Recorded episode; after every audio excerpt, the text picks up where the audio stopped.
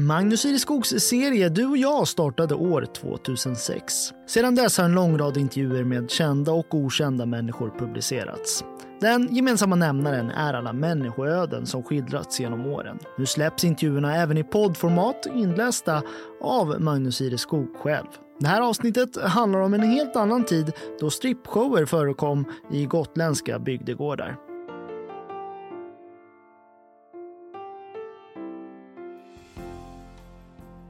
I oktober 1971 slängde fröken Naken kläderna på scenen i Follingbohus. Hon var bara en av många som dansade i bara mässingen i en tid då den publika underhållningen var av en annan typ än nu. Ja, det var som sagt en helt annan tid med helt andra värden. Så sätt inte i halsen nu när du lyssnar på det här. På Roxy visades oblygt men barnförbjudet filmer som Inbjudan till gruppsex och på teaterbio kunde den villige lösa biljett till De heta famntagen, en film i färg med, som det stod, glödhet lidelse. Dessa titlar stod tillsammans med Olle Söltofts danska gladporr att finna på lokaltidningarnas annonssidor jämte actionrullar som Le Mans med Steve McQueen i förarsätet och musikalballongen Spelman på taket.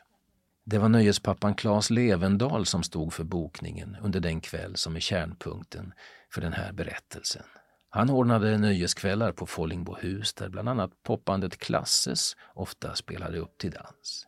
Men så fick han en snilleblixt. Varför inte lite sång och lite dans och dessutom lite naket? Så han bokade helt enkelt in en striptease-dansös från Stockholm för, som han sa i en intervju med Gotlands tidningar inför Susie Moons ankomst, Susie Moon som även kallades Fröken Naken. Man måste ju förnya sig, sa han.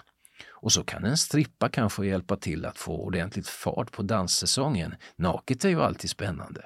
Han var dock långt ifrån först med denna idé. Tommy Wahlgren var på den tiden skribent med egen nöjeskrönika i Gotlands tidningar. Han minns hur det var. Ja, efter det mer tillknäppta 50 och 60-talet var det naturligtvis kittlande för publiken. Den manliga, kanske vi ska understryka. Strippor och go-go-tjejer blev en del av nöjesbranschen. Som han minns det var det få eller rent av ingen som höjde på ögonbrynen. Inga hågkomster finns av insändare eller protester. Åtminstone inte när han själv skrev om striptease-show på Solhem redan 1967. En artikel som hade slutklämmen Kvinnor, håll nu i kararna, sexvallen är bruten. Med tiden höjdes däremot röster i debatten, inte minst när det sent 1974 var aktuellt att starta en sexklubb på Mellangatan i Visby. Då tog det hus i helvete som Tommy Wahlgren uttrycker det. Av dessa massiva protester blev det till och med ett nummer i det årets närrevy Brimsar Brommar, vilken sågs av 25 000 personer. För övrigt den revy där örhänget Sommaren Komar framfördes första gången. Det var Tommy Wahlgrens fru Ingrid som på scen fick gestalta Mellangatans supertjej som i revypappan Allan Nilssons sångtext kommenterade de protestlistor som cirkulerat. Det var bara ett par tusen som på listorna sa nej, så här finns ju 50 000 till som längtar efter mig. Idag skrattar Tommy Wahlgren åt alltsammans, som man gör med sånt som har ätits av tiden. Ja du, allt var inte bättre förr, säger han, men det var annorlunda. Likaväl som vi intervjuade de band som spelade så intervjuade vi stripporna eller andra artister.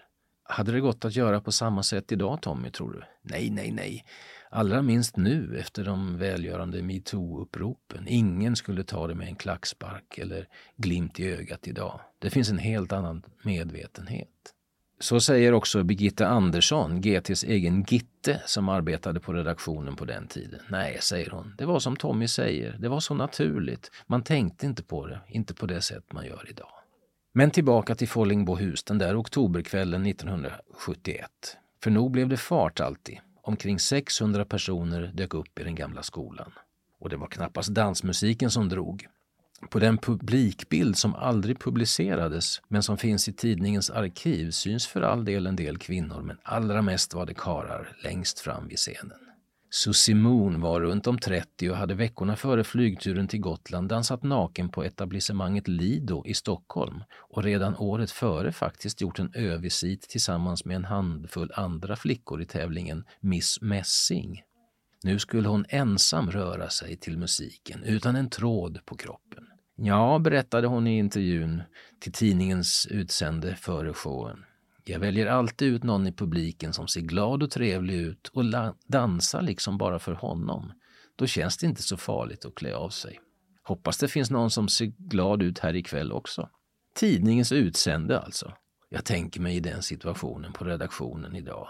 Nyhetschefen säger Magnus, tar du intervjun med strippan, 2500 tecken, två bilder och faktaruta till sidan 6. Det är lugnt, säger jag. Jag träffar henne innan jag går på regionstyrelsens presskonferens. Helt osannolikt, såklart. Men hur gick det för Susie Moon där på Follingbohus till sen ombyggda balkong? Jo då, följande gick att läsa i Gotlands tidningar dagen därpå. Publiken hade för länge sedan intagit ställning framför scenen när Sussi svävade in. Musiken dånade och plagg för plagg började falla. Men sen blev det alldeles tyst. Susie Moon hade fått av sig sista plagget och dansade helnaken en lång stund. Publiken blev stum. Notera att du just hört ett referat av en strippshow som om det vore en hockeymatch eller ungnötsauktion. Vad som sedan hände med Sosimon har inte gått att finna trots idogt letande på nätet. Men hon var inte den enda verksamma strippan vid tiden. Gunilla av Halmstad droppade i sent 60-tal kläderna inför publik på marknader och i folkparker där hon uppträdde på samma scen som ormtjusare, fakirer och artister som Snoddas och Povel Ramel. Hon gav 2011 ut självbiografin Gunilla av Halmstad, Ett annat liv i Sverige. Och en intervju med henne finns att lyssna på i podden Snedtänkt med Kalle Lind, känd bland annat från sin medverkan i tv-programmet På spåret. Det är en berättelse fylld av äventyr och flärd men också av sprit och udda existenser.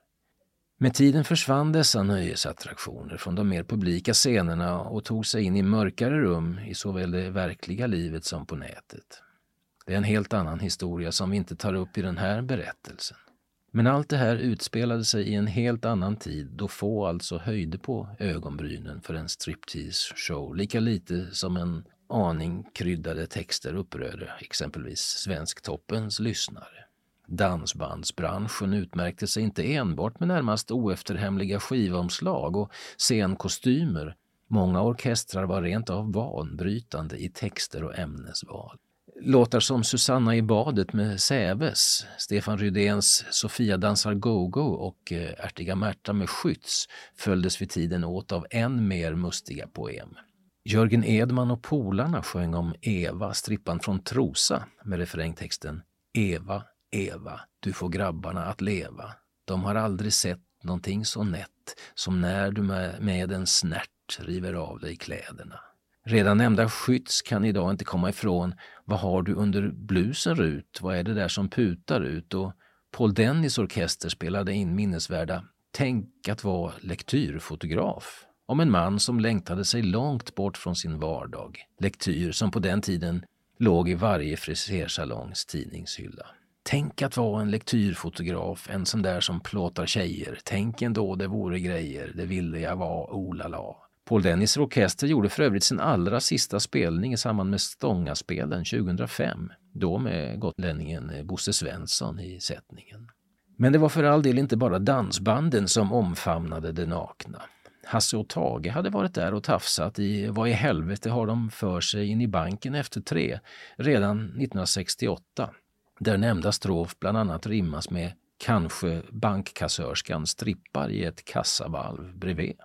Jag tar kontakt med Joakim Lindgren, en gång fotbolls och handbollsfantom som arbetar just på bank och frågar om det verkligen är så det går till. Är det striptease på jobbet efter tre, Jocke? Nej, numera har vi varken kassörskor eller stänger efter tre. Förutom på fredagar, då är det jag som lättar på slipsen och drar en paso doble, fast jag behåller alltid kläderna på. Vore det möjligt med lite naket i samband med bygdedanser och andra evenemang idag, tro? Som vid Catch as Catch Can-galan på Södervärnshallen, också det 71. Muskelpaket som Sugar Ray Dodo och Bad Boy Cassidy dundrade varandra i mattan och när det sen blev en stunds paus var det dags för kläderna att falla. Eller som det stod i annonsen i Gotlands tidningar, paus sex med nakendrottningen Miss Li, förra årets Miss Messing. Men vem på Gotland skulle arrangera en strippshow idag? På 80-talet hölls för all del Miss Wet T-shirt-tävlingar på Disco Space på Kneippbyn och på 90-talet visades hud i murrigt ljus på klubben Attic på Adelsgatan. Men det är trots allt bra länge sedan nu. Men kanske nu, i Fröjel, i december 2018 utsedd till årets socken. De har ju lokal och allt med sockens gamla skola. Jerker Enekvist är ordförande i hembygdsföreningen. Så jag slår en signal. Kanske några eh, strippor att fira titeln. Vad säger du Jerker? Nej, det är knappast aktuellt. Jag tror inte det skulle tas emot så bra. Men när jag var general för Klinte marknad för många år sedan tillät vi faktiskt ett tält med strippor i ett år. Det var stora skyltar. Kom in får ni se. Men det var ett år och sen aldrig mer. Så det blir inget i Fröjel då? Nej, nej, nej, det blir det inte.